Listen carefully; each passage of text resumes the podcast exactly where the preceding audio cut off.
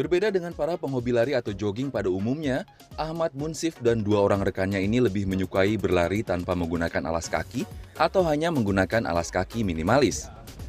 Hal ini mereka lakukan bukan tanpa alasan.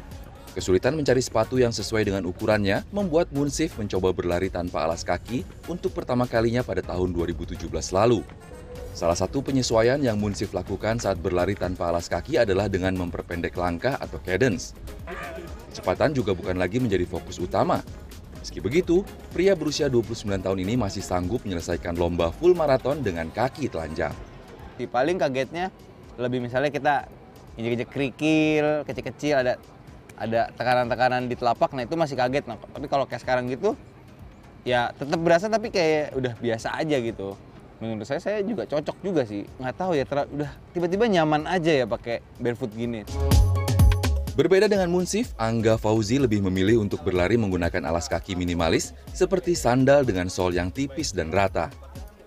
Selain merasa lebih nyaman, Angga yang mulai berlari menggunakan sandal sejak tahun 2016 ini juga merasakan sejumlah pengaruh positif lainnya. Apa yang saya rasain ketika pakai sandal gitu, itu postur lari kita, ya postur lari saya itu lebih natural sih, jadi lebih lebih enak dan setelah lari pun juga nggak ada keluhan sakit apa pun gitu sebetulnya dan dari situ ya jadi keterusan. Mendengar pengalaman dari Munsif dan kawan-kawan, saya yang terbiasa lari menggunakan sepatu pun penasaran untuk mencoba lari tanpa alas kaki. Kontak langsung telapak kaki dengan lintasan saat berlari memang memberikan rasa dan sensasi yang jauh berbeda dengan berlari menggunakan sepatu. Yang pasti bagi Anda yang belum terbiasa lari tanpa menggunakan alas kaki ini tentu harus butuh penyesuaian. Dan satu hal lagi, pastikan saat Anda berlari tanpa menggunakan alas kaki, permukaan atau lintasan yang Anda lalui dalam kondisi yang aman. Dari sejumlah penelitian, berlari tanpa alas kaki ternyata memiliki beberapa pengaruh positif. Salah satunya adalah dapat meningkatkan keseimbangan dan body awareness atau kemampuan tubuh untuk menyadari bagian tubuh mana yang sedang dilatih. Berlari tanpa alas kaki juga dapat meminimalisasi posisi atau form berlari yang salah.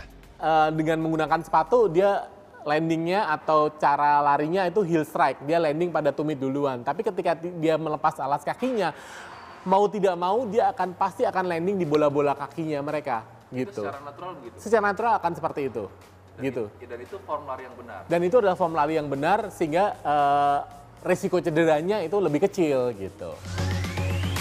Tapi tentunya tidak semua orang bisa dan cocok melakukan lari tanpa alas kaki atau dengan alas kaki minimalis.